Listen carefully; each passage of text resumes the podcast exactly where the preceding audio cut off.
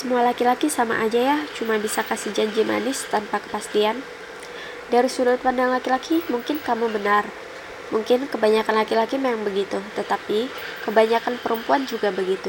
Mereka yang membuat laki-laki berjanji, mereka yang berekspektasi, mereka yang menyalahkan laki-laki ketika janji itu tak terlaksana. Padahal mereka tahu, mereka yang memulai semua kode ini menjadi sebuah keseriusan. Dan kamu pun tahu, dia yang kamu cintai pun punya janji lain yang belum terpenuhi. Maksudku, kamu bisa lihat dengan matamu sendiri dia masih menggunakan uang orang tuanya dan belum lulus.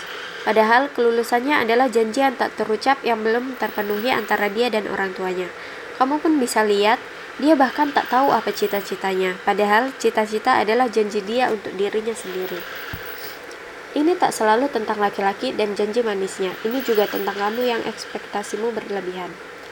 Berhenti menyalahkan yang gagal menepati janji itu sebab kamu pun belum memenuhi janjimu untuk Tuhan yang menciptakanmu, untuk orang tuamu, dan untuk dirimu sendiri.